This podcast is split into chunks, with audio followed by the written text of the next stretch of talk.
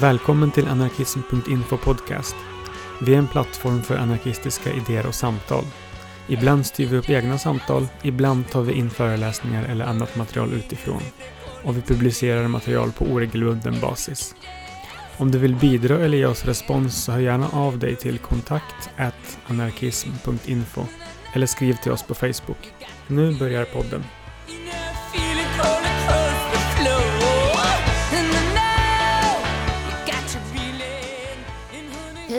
Välkomna till Kravallsamtal 3. Vi kommer bara prata om ett ämne idag och det är coronaviruset, covid-19. Vi som är med är jag, Luttra. Estelle. Svartkatt. Alf. Och eh, vi kan väl börja med läget lite grann. Hur, hur mår ni och hur är det där ni är i all den här eh, katastrof och krisyran? Um, om jag börjar då, det är... Uh, ja, men det är väl lite... Absolut, så är det lite krissituation. Folk har väl uh, kristankar och agerar också därefter. Um, men uh, alltså privat så är det ganska... Det är helt okej. Okay. Det... Jag vet inte, ta en dag i taget och hålla koll på läget. Liksom. Det är inte så mycket mer man kan göra. Var extra försiktig och uppmärksam. Mm. Estelle då? Mm. Ja, alltså vi har suttit i hemkarantän nu snart i två veckor. På grund av att eh, mitt barn har varit sjukt. Och vi fick ju redan för två veckor sedan så här att ni får absolut, eller han får ju inte gå ut någonstans. Eh, ja, så att eh, men vi, vi försöker eh, hitta på och liksom inte bli helt tokiga här hemma. Ehm, det är lite svårt, vi har ju riskgrupper här och vi följer väldigt mycket vad som händer omkring och hur det utvecklar sig och vad man säger om viruset. Och, och eh, ja, jag är lite bitter för eh, NH ska ju testas och eh, vi har fått ett nummer och man kommer ju inte fram. Tanken är liksom att man ska ta, testas för coronaviruset men man kommer inte fram så man kan inte testas för att det telefonnumret är ju helt överbelastat och det är inte 1177, det är ett internt nummer här inom riket. Um, så det verkar inte som att det funkar så bra. Um, så vi får se, vi får se hur det blir. Men just nu är vi väl ganska pigga och glada. Jag hittar ingen gäst på affären, så jag kan inte baka bröd. Men annars är det väl bra. Ja, brödet är viktigt, det, det vet vi sedan gammalt. Hur är det hos Alf då? Jo, tack.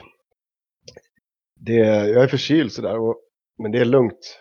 Så, det är liksom vad jag tror är en vanlig förkylning. Svårt att veta liksom. Sådär, men eh, det är inget större fara med mig. Eh, barnen har också varit hemma.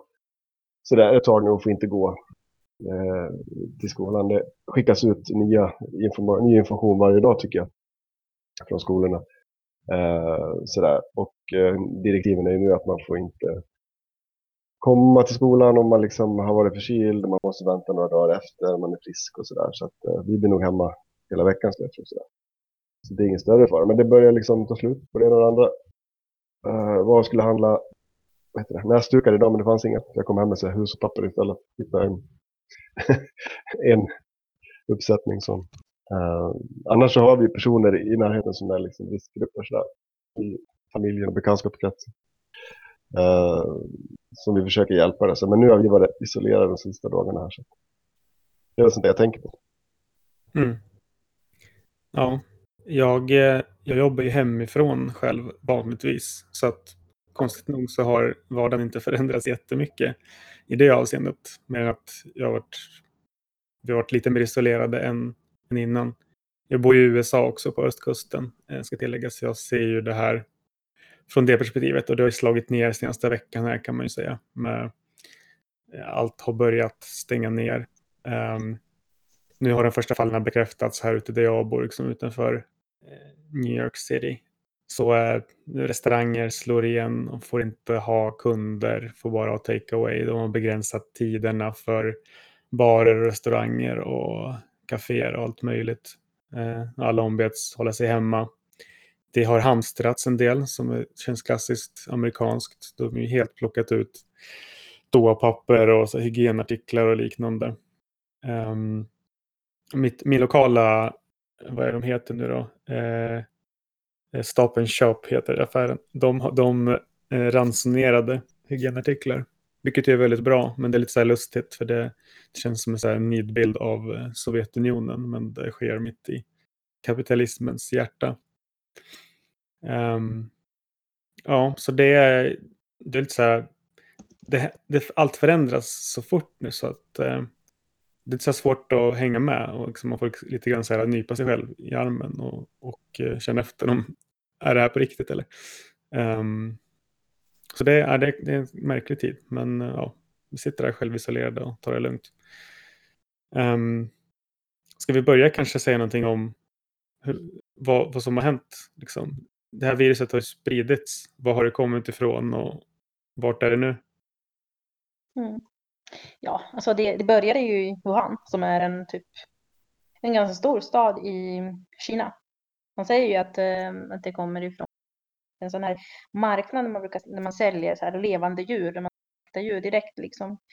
Och mm, att det troligtvis inte är så här att det är någon som har ätit av det dåliga köttet utan att det är liksom råkött som har hamnat i kontakt på något sätt med människa och på så sätt har viruset då spridit sig till människor, att det kommer från ett, ett djur. Ehm, ja, och det här var ju någonting som man först så här, det, började, det var ju rykten redan i december om att nytt coronavirus eller om att det finns ett nytt virus eh, som liknar sars. Ehm, men kinesiska staten gick ju inte ut och bekräftade det förrän längre fram i januari. Så det hann det väl spridas och folk hann ju resa och så vidare. Det är ju många, det är så här, kinesiska nyåret och så där som eh, gjorde att folk reser mycket.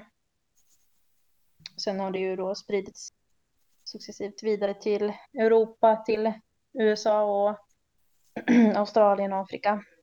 Och eh, nu säger de ju att Europa är ju epicenter för corona, covid-19 då.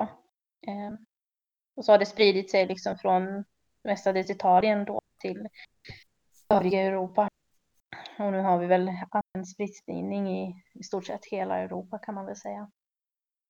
Det var alla som skulle åka till sportlovet och åka skidor i Italien. Ja, precis. Så det började väl där överklassen tog hit coronaviruset kan man väl säga. Mm. Tack för det. Ja. Vad, vilka åtgärder har diskuterats och införts i olika länder? Det har ju varit ganska olika på olika ställen, men har ni några reflektioner på liksom vad som har gjorts och på vilka ställen och varför och så vidare? Ja, alltså jag har kamrater i Frankrike och har liksom fått information av en kamrat som bor i södra Frankrike och eh, efter Emmanuel Macrons tal igår så är det full lockdown och eh, armén har liksom eh, mobiliserat till att eh, sätta äldre människor i karantän. Så de har hämtat äldre människor för att sätta dem någon annanstans geografiskt, vad jag förstår det som. Och de har också satt ut militär och polis liksom, i städer och i mindre samhällen. Och att de enda affärer som är öppna är apotek och eh, livsmedelsaffärer. Och för att få gå ut och handla så behöver du eh, liksom ett eh, signerat dokument då från polisen eller militären av att du ska få gå och handla och har du inte ett signerat dokument och gå ut ändå så får man böter. Ja, det, det var vad jag fick veta i alla fall. Mm. Och eh, jag har också fått samma information från kamrater i Italien Grekland ungefär. Att det är samma situationsområde där. Mm, Italien var väl ett av de tidigare. Alltså där, där var ju kanske det första. Där började ju viruset spridas lokalt. Kanske bland de första länderna i Europa i alla fall dokumenterat. Och där, där har de vidtagit ganska hårda åtgärder. Då, då, då var där de satte eh, hela norra Lombardiet, heter det väl, regionen i, i karantän. Och eh, till slut hela landet då i, i karantän. Vilket är ju det, på sätt och vis känns det som att det här, går ju, det här skedde liksom utan några större, liksom, att folk eh, reagerade jättestarkt. Och det känns som att det är en del av en trend att även om vi låter vara osagt huruvida det funkar eller inte, och det kan vi prata om alldeles strax, men att eh, det är ju väldigt populärt med sådana här tydliga, hårda åtgärder. Det, det, känns som att det här ligger i samma kategori som så här hårda tag mot brottslighet. Um, och det känns som att det ligger väldigt mycket i tiden. Men liksom, ett typisk eh, auktoritär grej att liksom sätta karantän och stänga gränser och liknande. Mm. Mm. Ja, men absolut, jag har bekant som, som bor som bor i Spanien. Uh, och där var det också, de stängde ju ner, eller har stängt ner. Eh, den personen bodde på härberge. Eh, sådär. Där stängde de mig ner, liksom. folk fick lämna. Så här. Ja, men ni kan inte bo kvar här. Så, här. så då fick de ju styra upp någon annanstans och bo. Eh, på egen, för egen maskin liksom. så. Mm. Och det är ju i samma veva som Italien framställer sig som handlingskraftigt genom att sätta de här karantänerna och sånt så gjorde de ju ingenting åt andra saker som till exempel det var ju, har ju varit upplopp i fängelser i Italien där jag tror att 13 eller 14 personer har dött i de här upploppen och det var ju på grund av oro för corona och brist på liksom, hygienartiklar och, och all, allmänt att det, när folk är packade så tätt och har ingenstans att ta vägen helt enkelt så, så, så får de ingen stöd, ingen hjälp och det är liksom resurser läggs på an, annat liksom. I viss fall symbolåtgärder, i visst fall för att rädda ekonomin och sånt. Eh, och samtidigt så var det också så att det har varit stora strejker på fabriker i Italien för att de vill ju fortsätta med produktionen trots att å ena sidan så försöker de visa det som att det här är jätteallvarligt, vi tar i med hårdhandskarna. Å andra sidan så får inget störa liksom produktionen av, av varor. Um, och det var ju många arbetare som tyckte att det där var ju om man nu ska undvika stora folksamlingar så är det en av de första ställena du ska stänga och undvika ifall det inte handlar om liksom essentiella saker som behövs för att människor ska få sjukvård, ha, kunna bo ordentligt och så vidare. Och det är väl inte bara Italien utan eh, det är väl länder som Danmark och, och andra som också har, ja, Spanien har ju nämnts, som har vidtagit lite olika åtgärder. Ja, just det. Vad gäller fängelser så har jag väl sett också att det har ju varit um i Sverige har det varit på fängelse. Eh, det var något fängelse som, som interner drog därifrån och rymde. Några stycken. I, I morse såg jag någonting om Brasilien. Eh, ja, just det. Att liksom fånga rymmen, liksom, just utifrån oro och liksom ilska, frustration kring över liksom hur det hanteras på fängelserna eh, kring corona. Liksom. Ja, precis. Utöver det så, de kamrater som jag pratade med i Grekland har ju ifrågasatt eh, ledningsbeslut om att stänga ner till exempel skolor. Ett exempel är att det, det finns barn som inte har, eh, som går till skolan för att äta mat. Så nu när skolorna stänger så har ju inte de barnen möjlighet att äta mat någon annanstans. Det påverkar ju väldigt mycket negativt på det sättet. Mm, precis, det känns som att det inte finns någon riktig konsekvensanalys i många led och att det liksom det kan verka bra och det är, oftast är det inte ens klarlagt exakt vilka konsekvenser, positiva konsekvenser det här skulle få. Men det är rätt tydligt att det har negativa just med att folk blir av med olika liksom, resurser och sånt för att tillgången till dem stängs. Och det är samma sak med det här med gränser då, för att återkomma till det. Det var ju, det var ju någon tidning som gjorde en, en, en sån enkel simulering av, av eh, virusspridningen Eh, och visade, där de visade då ganska pedagogiskt på att det är nästan omöjligt att ha en, en vattentät karantän. Även ifall, du, även ifall alla smittade skulle typ ha en struthatt på sig så är det liksom skitsvårt att stänga ner alla, alla tillfartsvägar, alla utfartsvägar, liksom allting och, och begränsa det. Och, och, så har det inte varit för att många har inte haft symptom. Eh, så det här med att stänga, stänga gränserna det förhindrar ingenting, utan det, det som istället folk har pekat på kan vara viktigt för att förhindra eller sakta in spridningen, det är ju att folk rör sig mindre, att färre rör sig i publika ytor. Eh, och då har det varit sådana saker som att ja, men, ha inte stora evenemang och var inte ute om du inte behöver att sånt eh, begränsar spridningen mycket mer än liksom, sådana försök till så här, drakoniska gräns, stängningar och liknande. Och det, men det känns inte som att det är dit väg. Liksom. Nu var det väl Danmark häromdagen också som... Eh, å ena sidan har de väl stängt gränserna som de har väl velat göra längre, länge. Å andra sidan så var det också något där, alltså Danmark, de har ju så mycket riktigt dumma saker för sig.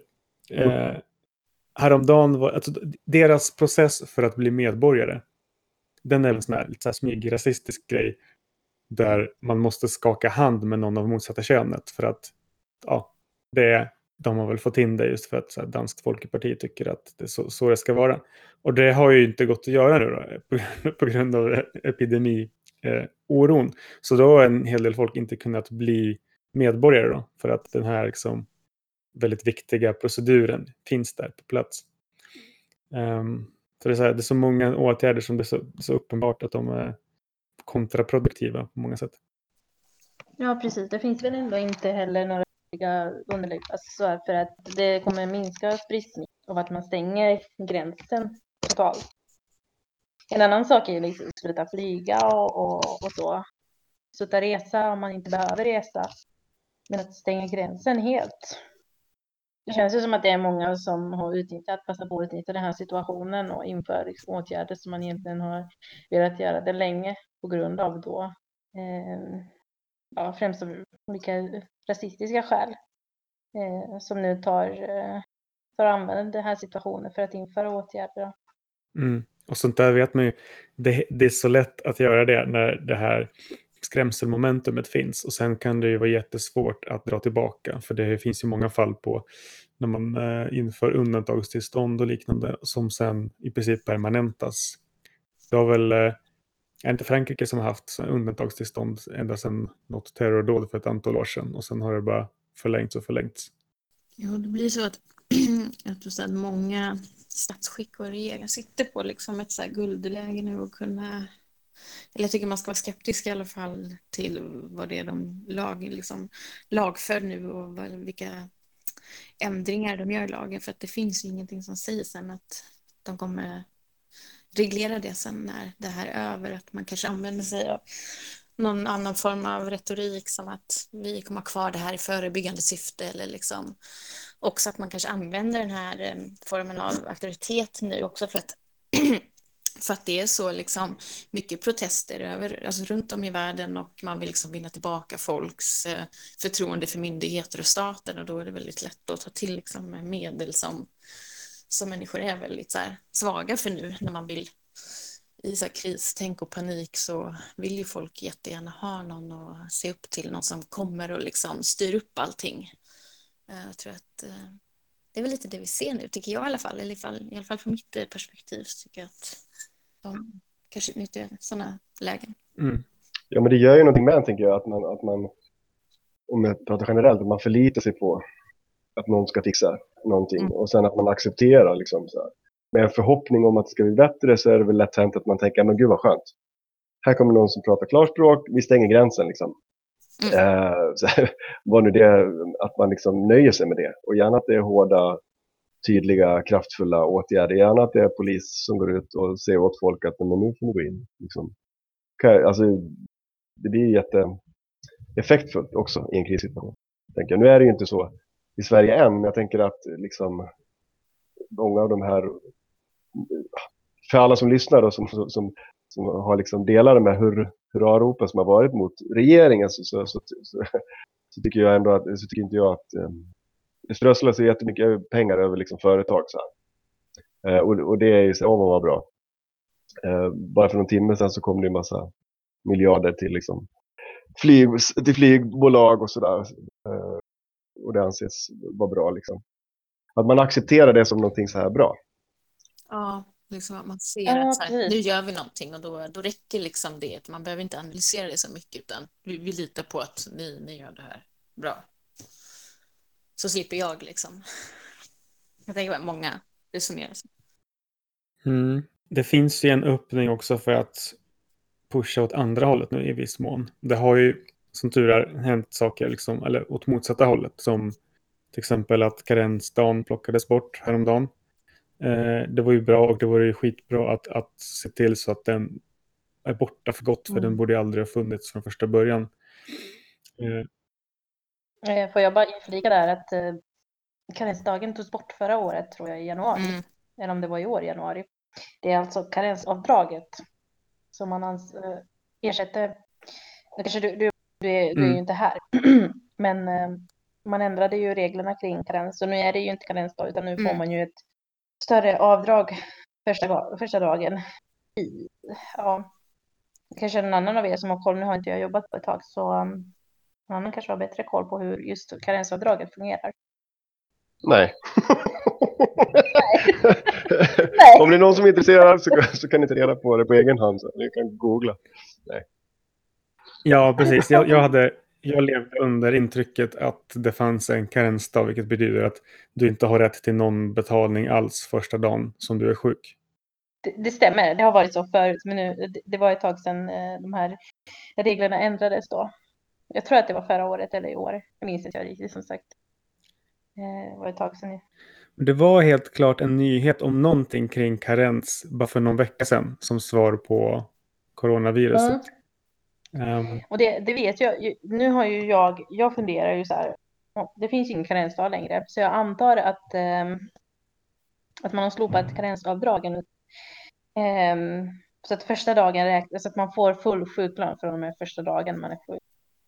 Så är det antagligen. Ehm, det, det räcker gott som förklaring Ja. för mig. Ehm, och det, på, på det temat så såg jag också att eh, tror det var SAC som gick ut med en sån eh, lista, så här viktig information kring coronavirus och eh, arbetsrättsliga frågor.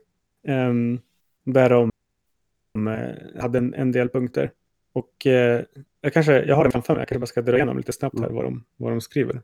För det kan ju vara bra, bra att veta. För då har de gjort en sån, en sån liten poster. Och där står det just om så här sjukersättning. Eh, att man har rätt till 80 procent av sin eh, dagliga inkomst för varje dag som man är sjuk från jobbet. Och eh, det ska man få för första dagen nu. Så att eh, eh, om man behöver inte intyg från läkare heller eh, för att eh, fortsätta få det här efter första veckan. Mm. Ehm, så det, det är ju bra. Och eh, även folk som börjar jobba timmar har faktiskt rätt till att få ersättning för de eh, timmar de har varit eh, schemalagda som de skulle ha jobbat innan de blev sjuka. Då. Och så står det då liksom förtydligat att arbetsköparen ska ge en schema minst två veckor i förväg innan man jobbar. Men det vet nog de flesta som jobbar timmar att det där slarvas det med väldigt mycket. Eh, det är ofta som man inte får det. Och det är ju, det är ju dåligt just för sådana här tillfällen då, där man verkligen behöver det för eh, när man blir sjuk och så. Mm. Ja, precis. Och just det här som du sa att, att man liksom eh, man kan börja prata om det här nu. Det har ju varit tidigare uppe på tapeten. Eh, just det här med intyg från läkare. Eh, jag vet personal i sjukvården har ju klagat tidigare. Det tar ju extra mycket tid, extra mycket resurser. Eh, när man behöver, alltså för en läkare att skriva ett sjukintyg. Så det har ju liksom varit på tapeten innan coronaviruset. Om eh, hur man kan så här, om det finns möjlighet att ändra på det eller så. För det har tagit mycket resurser från sjukvården. Mm. Och det står vidare här, tre punkter till, jag tänkte bränna igenom lite snabbt, sen kan vi kanske länka den här grejen i, i en podd, poddbeskrivningen när vi lägger upp den. Um, men det står att eh, om, om eh, arbetsköparen påstår att de inte skulle ha liksom bokat dig mer under den tiden här när du har blivit sjuk så ska de egentligen ändå eh, betala sjukersättning för två veckor. Och eh, även om, de, om det inte finns några timmar eh, på ett liksom utskrivet schema så ska de basera det på genomsnittlig månadslön från förra månaden. Sen står det någonting om att man inte, om man inte har ett skrivet kontrakt så har man ändå rätt till sjukersättning. Så det behövs inget skrivet kontrakt för att den rätten ska finnas. Och eh, så kan det vara bra att veta att efter två veckor, i två veckor har arbetsköparen skyldighet att eh, betala eh, sjukersättning. Sen går det över till Försäkringskassan.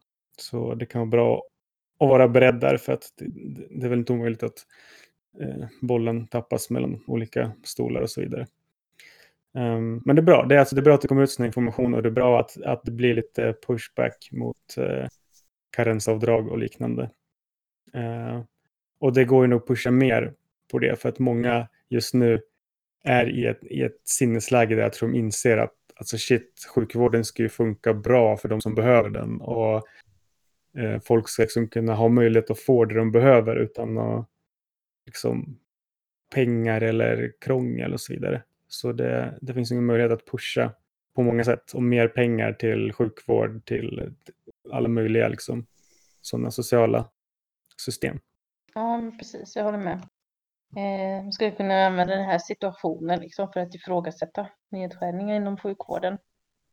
Ehm, men även hur man hanterar den här krissituationen, för det har ju så här, varit brist på sjukvårdsmaterial och det har också kommit fram att leverantörer som eh, höjer priser på produkter som sjukhusen behöver just nu för att kunna fungera. Och det är också en sån fråga som är intressant att pusha på. Ja, så jag tänkte på det när vi pratade om typ så här, länder som stänger gränser och sånt. Hur funkar det liksom med import till exempel då av mycket läkemedel och sånt som, vi, som man inte tillverkar alltså i större delar typ i Europa, ja men typ som mediciner och handsprit till exempel och sånt. Om man stoppar, liksom stänger gränserna och stoppar, hur funkar det? Är det någon som har koll? Eller hur det påverkar snarare sig? Jag tror att de bara har stoppat eh, alltså människor, alltså den, ja. den delen av det, inte varor och transaktioner och liknande. Nej, precis.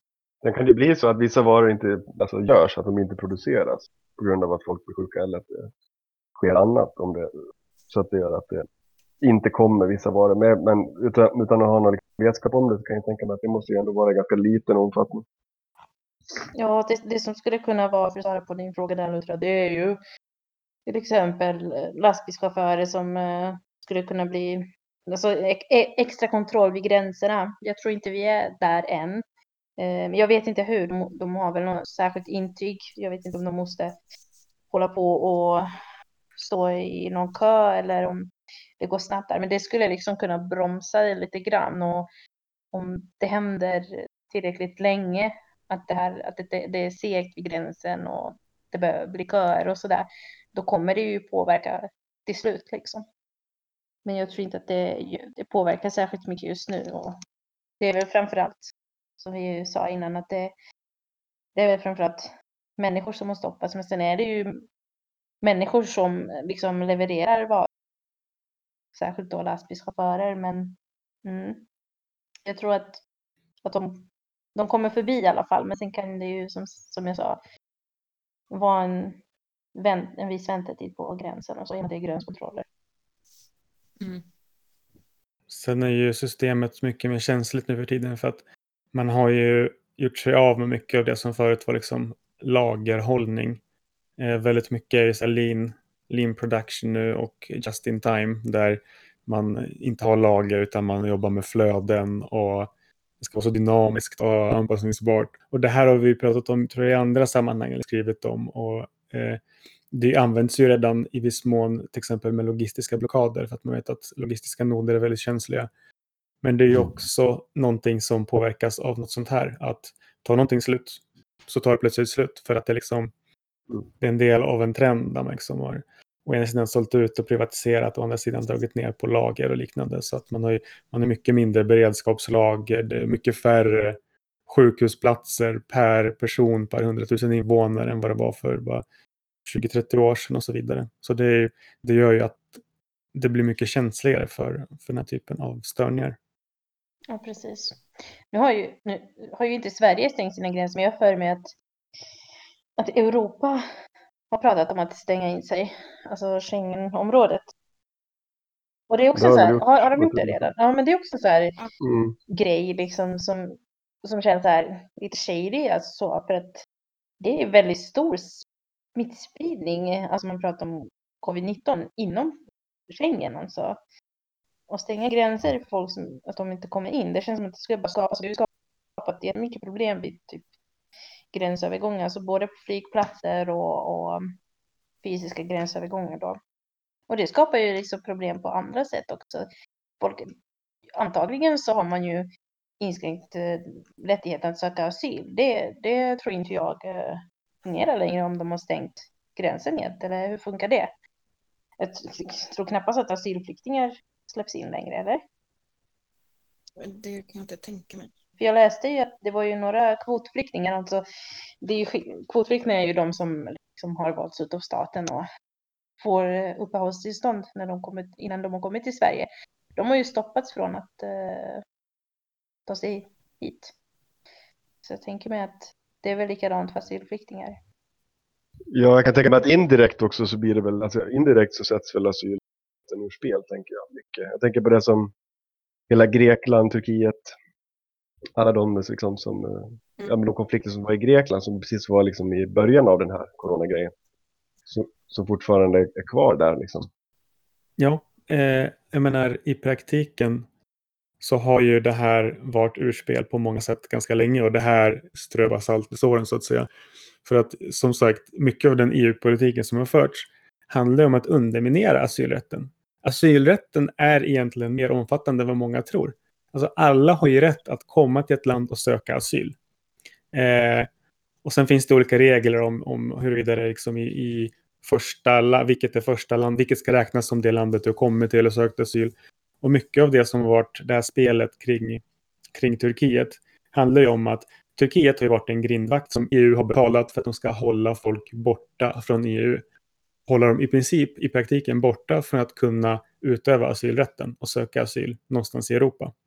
Och sen har ju Europa liksom just slagit de här fortmurarna omkring sig, också för att skydda många länder eh, från att folk i praktiken ska kunna komma dit. Så att du har den teoretiska rätten, men i praktiken sätts den ur spel. Och det är ju så typiskt liberalism så det inte finns. Liksom. Att det är, du har de här högtravande värderingarna, men sen i praktiken gör du allt för att underminera dem. Liksom. Och det är helt andra mekanismer och en annan logik som, som styr. Mm, jag har också tänkt på det där, för jag, just för att också UD gick ut och liksom avrådde folk att resa utomlands till vilket land som helst. Så, så här, undrar jag också om de då stoppar liksom, deportation, alltså, och deporterar folk till andra länder. Um, vilket de förmodligen inte gör. De fortsätter säkert som vanligt, men det är så många aspekter och frågor som blir intressanta och som man vill, som jag skulle i alla fall vilja veta lite mer om. Någon av er som vet mer ingående Nej. just Ja. nu om hur läget liksom. Mm, jag har ju läst i tidningen att det var någon, någonstans, de, de har inte stoppat, men de har skjutit upp deportationen för Ja. tillfället. Men jag, jag kan inte hänvisa till eh, vilket land. Jag tror att det kanske var Afghanistan, jag minnas. Lite osäker kring det. Men det är också en sån här grej som, som är intressant att, att följa upp.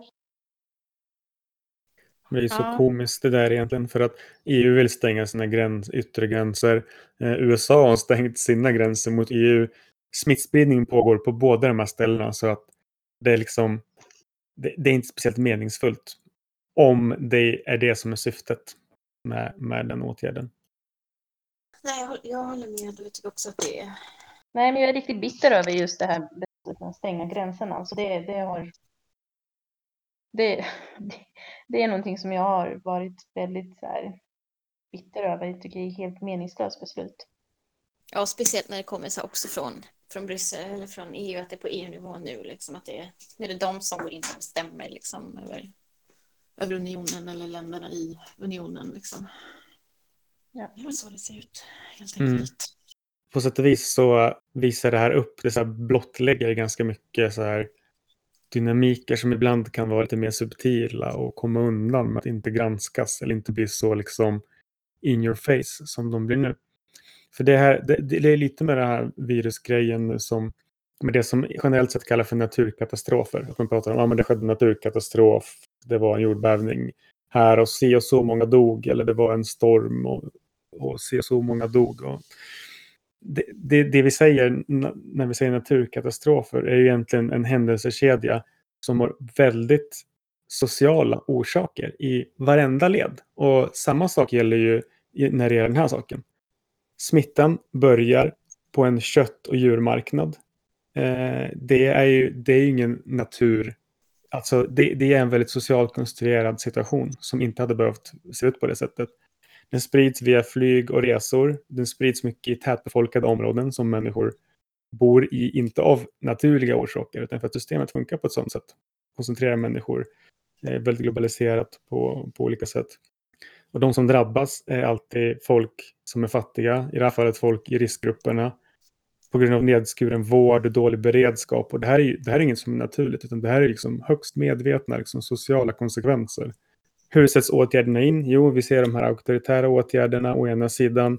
Vi ser så här räddningspaket till ekonomin inom stationstecken. Så en, en abstrakt sak som liksom är till för att rädda jobb. Men vad vi behöver är inte liksom så här, typ rädda abstraktioner eller liksom en kapitalistisk ekonomi, utan vad vi behöver är att folk ska ha bra sjukvård, ska ha mat, ska ha någonstans att bo. Och det blir så jäkla tydligt i en sån här situation hur alla de här sakerna i varenda led är ju liksom, ja, onaturliga blir fel sak att säga, för att liksom det, argumentet är ju att det, det här har inte naturen att göra så mycket som med liksom systemet. Och det blir så tydligt hur systemet fungerar i sådana situationer. Rant eh, ja. slut där. ja, men det är jättebra. Vi är alldeles eh, förbannade. Men jag tänker så här att hur demokrati, man alltid säger att den här begränsningen av att folk får träffas. I Sverige så har man så 500 personer eller vad det var. Eh, och nu när vi pratar så tror jag att de sista kom ut med att i Danmark så är det nu tio personer så här, eh, max som får träffas. På, eh, att det sker, och det är lite grann som det här med att stänga gränsen också. Så här, hur, vilken effekt har det här liksom? Eh, för smittspridningen. Men det har det vet ju inte jag sådär, men jag kan i alla fall tänka att det har en effekt för hur vi det påverkar oss som människor. Att vi liksom dels i hur vi förhåller oss till staten, liksom, dels att man är beredd att acceptera det här, eller också att man får liksom en, eh, en rädsla inför liksom, oh shit, nu bäst jag passar mig. Nu är bäst jag gör som de säger, annars så eh, får jag böter eller, så, eller någonting. Att man fogar sig in i det här. Okej, okay, 10 pers, 500 pers, 350 pers, skitsamma vad det är. Ehm, jag tror att det var någon som skrev eh, någonstans i socialt medier idag säga, men vad är, vad är nästa steg då? Blir det att begränsa vad vi säger liksom, om krisen på i, i sociala medier? Blir det nästa steg som man går för att liksom inte förvärra situationen? Censur mm. Ja. ja, man kan ju ställa sig den frågan. jag håller med om att det blir liksom också en det blir, jag tycker att det blir en ganska tydlig så här, klassfråga också när det sker sådana här kriser och eh, epidemier eller pandemier. Liksom att, det, att vi agerar inte, alltså generellt och majoriteten äh, agerar inte solidariskt liksom, och tänker på medmänniskor eller på andra utan man tänker på sig, på sig själv först och främst. Äh, och, och, det är väl det här liksom hamstringsbeteendet har liksom Som vi har sett här i äh, också överallt i Sverige, liksom att folk handlar upp butiker och man kan liksom inte gå och köpa mat. Liksom jag såg en, en mamma igår som stod inne på mitt lokala ICA och grät för att folk har liksom hamstrat och köpt upp liksom ersättning eh, för små barn liksom till bebisar och sådär.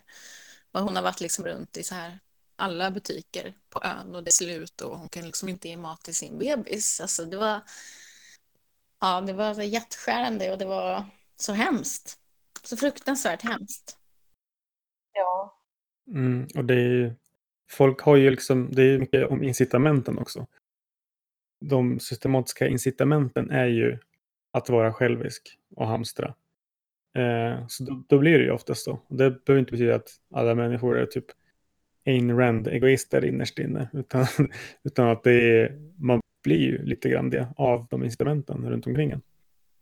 Ja, får man tänka på den, den hjälp. Det har ju varit, I Sverige då, återigen, det har ju liksom getts massa fördel, ekonomiska fördelar till näringslivet. Men jag tänker att eh, vad människor kanske behöver också, till exempel. Jag menar i USA, eh, Svartkatt får du väl flika in om du vet. Men jag tänker så här med hyresstrejker till exempel. Att man inte tänker betala hyra under en viss period för att man har liksom inte de förutsättningarna eh, helt plötsligt. Då blir det ju utifrån reella behov som människor har som skulle göra skillnad liksom, i ens vardag i en sån här situation. För att det var vi inne på, det blir ju liksom också en orättvisa i det här att säga okej, okay, som det var i Sverige först, att okej, vi stänger inte skolorna, men vi uppmanar skolor att om ni har möjlighet att stänga, ja men då såg man ju, det var ju skolor i Djursholm eller Danderyd som stängde medan kommunala skolor liksom här runt omkring inte gjorde det. Eh, eller man bedrev distansundervisning från Djursholm och sånt där. Och att, eh, människor som inte har råd liksom, att vara hemma från jobbet och gå till jobbet ändå. Eh, bara för att man måste ha liksom, pengar. Att, att sådana saker men, eh, skulle behövas. Och samtidigt så ser vi ju att, att det sker. Att, att folk organiserar sig eh, och gör saker liksom eh, tillsammans. Eh, och det är väl, tänker jag, sådana saker som skulle vara liksom bra om de fick finnas kvar. Att de nätverken, att de liksom, eventuella projekt som startas upp, att, att liksom de hålls vid liv. Även liksom när det här börjar mattas av. Ja, men absolut. Ja. Jag vet inte hur det ser ut eh, där ni är, men här så är det ju, det är ju så här mutual aid-projekt nästan varje stad och delstat som har gjort allt från eh, att man volontärar och man eh, ser till så att till exempel folk som är i riskgrupperna eller som självisolerar för att de tror att de kanske är sjuka eh, kan få saker de behöver hemlevererade.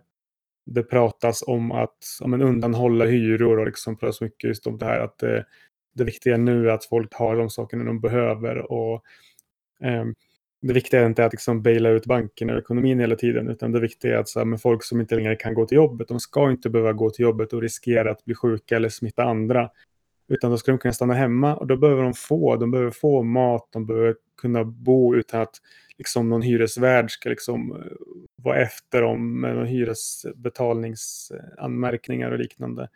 Och det är, att det, det är i den änden som hjälpen behövs. Och det, det, finns, det finns mycket sånt. Eh, jag ska, om efter att jag spelat in det här några timmar så ska jag sitta i ett annat möte där vi ska prata om just sådana grejer. Eh, för å ena sidan har mycket fysiska möten avbokat så att det har varit lite så här att man, det är lätt att bli lite frustrerad. Så, ja, men nu har planer som man har haft liksom gått lite i grus. Men nu, nu öppnar sig nya ja, möjligheter får man ändå säga till att hjälpa varandra och eh, dra ihop saker som förhoppningsvis kan peka lite framåt också. Att som, precis som du säger, att låta de här projekten fortgå. För det behövs ju hela tiden och på olika sätt. Det här har ju bara liksom blottlagt och, gjort, och ställt saker på sin spets lite mer. Så absolut, det händer och jag hoppas det händer ännu mer och att vi kan få det att vara mer kontinuerligt och knyta olika, samman olika sådana organisationer och grupper och så vidare.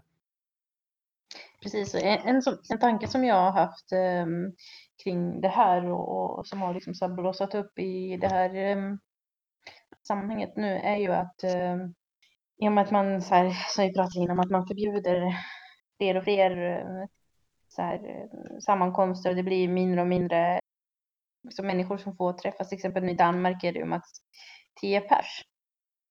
Um, och jag tänker ju liksom så här vid, alltså så här, sen så sa du ju det här med härbergen att, eh, men, att de hade stängt härbergen också. Jag tänker hur det kommer slå hårt åt alltså på de här alltså hemlösa som kanske inte har någonstans att ta vägen just nu, men samtidigt är de ju väldigt eh, beroende av, eh, det har vi ju sett i olika situationer här i Sverige, att de är ju väldigt alltså, beroende av volontärhjälp. Eh, om man stänger de här härbergen och, och minskar, hur ska man liksom kunna arrangera till exempel folkkök eller sådär. Har ni, jag vet att det är mycket sånt i just USA. Eh, så undrar jag, Svartkatt, har ni typ någon, eller har du något hum om hur det skulle här fungera? Om man till exempel förbjuder mer än tio människor att träffas, hur ska man kunna arrangera ett folkkök? Det får vara lite mer distribuerat då. Nu, nu har inte sådana såna grejer gått igenom här, utan de har mest hittills gått på att eh, restauranger och kaféer och sånt inte får ha öppet. Eh, jag kommer inte ihåg om det har gått igenom någonting om, om eh, större möten. Jag tror bara rekommendationer hittills. Men det är sånt som vi kommer att diskutera nu för att eh, det är lite oklarhet kring det. Utan då får man kanske, skulle det bli så så får man kanske jobba lite mer, ännu mer decentraliserat. Att dela upp sig i mindre lag som kan göra saker och inte behöver vara fler på samma ställe och kan vara på olika platser. Um, en sak som det här med att du då levererar till folk som de behöver fylla i vad de behöver och vart de är. Och så är det volontärer som åker och handlar eller om, om det redan finns saker, tar de sakerna och så åker man och så ställer man det utanför dörren hos dem. Um, så det finns, det finns många möjligheter. Det finns nog många fler än vad jag kan komma på på rak arm här. Det, det är ju nu i ett skede där folk just håller på och spånar. Vad kan vi göra och hur kan vi gå vidare på olika sätt? Mm. Det är grymt. Jag, jag har mest vad jag har sett här i, i Sverige så har det ju varit mest eh, typ Facebookgrupper som har skapats eh, där man har möjlighet att skriva upp sig vart man bor och sen som det är någon som hjälp. Eh, till exempel att handla då, det är ju det som det har fokuserats främst på nu, att handla eh, åt en och leverera. Men eh, det tycker jag är bra. Sen får vi se hur det utvecklar sig och det finns fler grejer, alltså konkreta grejer som man kan göra i den här situationen. För jag tänker också att till exempel, det är väldigt många som är borta från arbeten, väldigt många som är hemma och jag tänker när jag arbetade så hade jag ju väldigt märklig lön. För jag hade så här heltidsjobb. Eh, jag hade en så här månadslön på ungefär 15 000 och sen så alla timmar över 130 så fick jag ju då betalt. Men när jag var sjuk då, eh, då var det ju liksom Sjukplanen utgick från de här 15 000. Så jag hade absolut inte kunnat ha råd att vara hemma från jobbet eh, på samma sätt då. Jag tänker, jag är inte den enda som är i den situationen. Jag kan tänka mig att det är många människor som kommer hamna i en svår ekonomisk situation här framöver. Ja, det är i vissa grupper också som har liksom lyft frågan. Jag vet Allt åt alla. Malmö bland annat har jag sett har liksom lyft frågan utifrån ett socialt perspektiv. Så, ja, men vi rätt till liksom, eh, bostad och inkomst och sådär. Eh, och sen så tänker jag att eh, en själv kan ju liksom, liksom tänka sig igenom, så, ja, men vad, vad har jag för bekantskapskrets liksom? Vilka vet jag har behov av de jag känner liksom? Och sen ta kontakt med dem som kanske har liksom behov som bör, där man tänker sig att eventuellt den här personen kan behöva hjälp med någonting. Eh, men också att man tänker till kring vad man har för liksom egna kunskaper och färdigheter. Liksom. Vad kan jag eventuellt bidra med i det här sammanhanget? alla kan ju bidra med någonting. Eh, och att, att, man liksom har tänkt igenom det eh, och, och, kan liksom erbjuda sin egen hjälp och liksom hjälpa andra på något sätt. Mm, för jag tror att det där är liksom, där, det ligger någonting i det att folk som är i sina communities som eh, samlas Eh, vet mycket, mycket bättre vilka behov som finns, kan lyssna, fortfarande lyssna på rön från experter, vad man bör göra för att minska smittspridningen och så vidare. Men kan då agera mycket mer dynamiskt utifrån de behov som finns och liksom, behöver man leverera någon grej så gör man det. Behöver man vara fem personer på en plats så är man det. Och det funkar ju så mycket bättre än så här, så här från ovan liksom diktat. Att nu får ni bara vara så här många här och så skickar vi ut militären och så får ni böter eller så släpper vi in er någonstans ifall, ifall eh, ni inte lyder. Det är liksom för mig helt fel sätt att, att göra de här sakerna på. Och helt rätt sätt är just att hitta varandra där man är och se vilka behov som finns. För det, det, det är vi som är där vi är, vi vet bäst vad vi och andra kring oss behöver och kan bäst, oavsett vad staten säger, lösa de sakerna. Så eh, jag tror det finns jättemycket där att göra. Och det är ju, I vissa fall så kommer det vara svårare att göra saker fysiskt. Okej, okay, man kanske får flytta över en del organisering nu till det digitala. Eh, det finns onlineverktyg. Det är ett jättebra tillfälle att, att börja testa mer sånt. Eh, att, eh, jag vet inte, kanske kör eh, online. Kanske är dags att köra lite studiecirklar online. Kanske liksom försöka, försöka hålla igång så att, så att man inte blir så att isoleringen bara blir fysisk. Att den inte blir om en social eller psykisk. Det tror jag, för det tror jag eh, ganska snabbt kommer att slå på folks mående också. Att man blir isolerad på så många sätt samtidigt.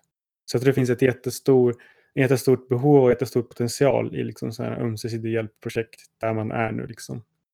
Ja, precis. Jo, men det, man får väl liksom börja där man står kanske lite då. Alltså jag vet att typ jag och två grannar, det är typ vi som har barn, vi har typ sagt att ja, men, kommer vi vara hemma så är det liksom typ den största frågan som vi pratar om är väl mer ja, men just den här matsituationen. Att skolan bistår med liksom mellis och frukt och lunch liksom. Och det är så här, ehm, att det är sånt som vi kan hjälpas åt med liksom och resonera mellan oss.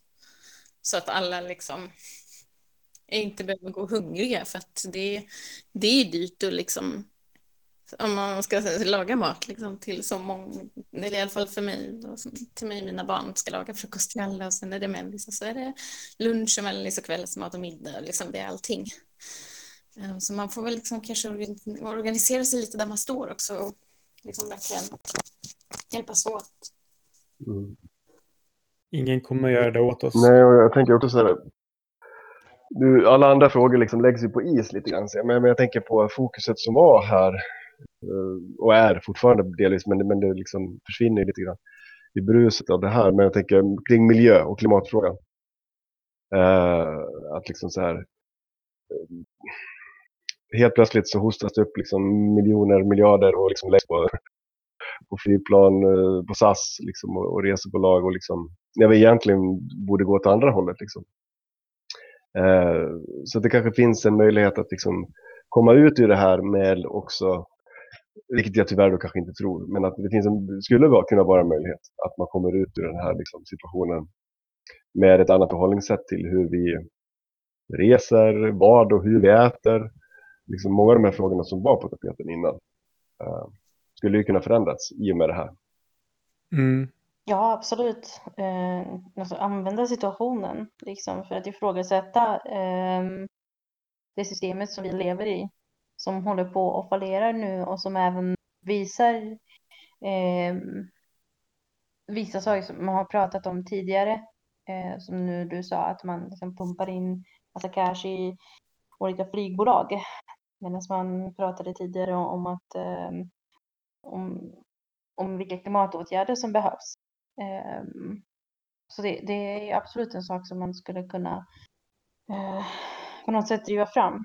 Eh, nu är det så himla svårt för att det finns så himla mycket man skulle kunna använda nu, gå ut och protestera liksom, men nu är det så svårt för att nu måste man ju sitta inne. Men jag tänker mig att det är viktigt när den här krisen är över, när det börjar lugna ner sig, att man fortsätter eh, på något sätt använda det här som händer nu och pusha på. Eh, fortsätter prata och ifrågasätta och, ja, och protestera helt enkelt. Mm, för vissa, ibland så kan man ju lägga an en sån här retorik att så, men vi kanske lär oss nu det och det, men det gäller att specificera så vilka är vi då? För om vi menar att vi, att folk kan få en medvetenhet i allmänhet, ja så kan det vara, men, men det kan bli ett feltänk om, om någon tänker att eh, ja men eh, liksom eh, staten eh, kommer få sig en tankeställare här, liksom, att ja. Eh, saker inte fungerar. Så här, eller så här, kapitalet. Så här. Men vadå, det här är inget, alltså, det är inget systemfel för dem. Det här är business as usual. Det, det, det är ingen liksom, brist och, eller ett misstag att, att det här händer. Utan eh, frågan för dem är bara hur, okej, okay, är vi på väg att tappa kontrollen? Hur säkerställer vi att vi behåller kontrollen? Det, det finns ingen lärdom att dra där som, som leder i någon positiv riktning för de institutionerna. Nej, absolut inte. Utan de som får dra lärdomarna, det är ju vi. Mm. Och så får man försöka realisera dem liksom, eh, mm. på andra sätt. Ja, men precis. Att ta hand om varandra, ta ut svängarna så gott det går, att liksom försöka implementera nya bra saker och ta spjärn emot liksom, eh, om man försöker införa liksom, sketna lagar igen sen. Och jag tänker att eh, en sån där sista grej som jag tänk, ty, tycker är viktig, det är någonstans att man är på sin vakt med liksom vilka eventuella liksom lagar och restriktioner som nu införs liksom lite i skymundan som inte har med den här frågan att göra per definition. Utan så här, ja men nu, nu kan vi passa på att införa, eh, hamra igenom den här lagen eller liksom trycka igenom det här förbudet. Mm. Och eh, håll kontakten med folk. Starta online-studiecirklar om eh, Emma Goldman eller Lucy Parsons eller Kropotkin. Syssla med ömsesidig hjälpprojekt där ni är. Ja. Har vi några fler eh, tankar så här? Jag tror att vi börjar närma oss en timme så det kanske är dags att börja runda av om vi inte har några fler saker som du har kommit på. Alltså när det kommer till typ så här Alltså vad smittor och sånt kommer ifrån så skulle det vara jättebra liksom, att kunna trycka på ja, men liksom verkligen att kanske äta mindre kött och trycker på köttproduktionen liksom och försöker kanske äta mer liksom annan proteinrik. Alltså det, den frågan är, är ju alltid igång, men kanske just nu när man vet att mycket så här epidemier kommer från bakterier eller sjukdomar, liksom eh, från köttproduktioner eller och så vidare, så kan det ju vara värt att tänka lite extra på verkligen, liksom ur ett längre perspektiv, hur man kan minska. Ja, det håller jag verkligen med om. Men eh, kamrater och vänner, jag måste droppa för jag måste iväg till jobbet. Mm. Mm. Då kanske vi avrundar här helt enkelt, för jag tror vi, vi är klara. Ja, jag går och tvättar händerna. Ja, precis. Ska vi ta händerna? Mm. Jag ska gå och hosta lite i ett hörn. Ja, precis. Torrhosta lite. Mm. Ja. ja, ni får det så bra. Ja, detsamma. Ta hand om varandra så hörs vi snart igen. Det gör vi. Ha det gott. Hej då. Hej då.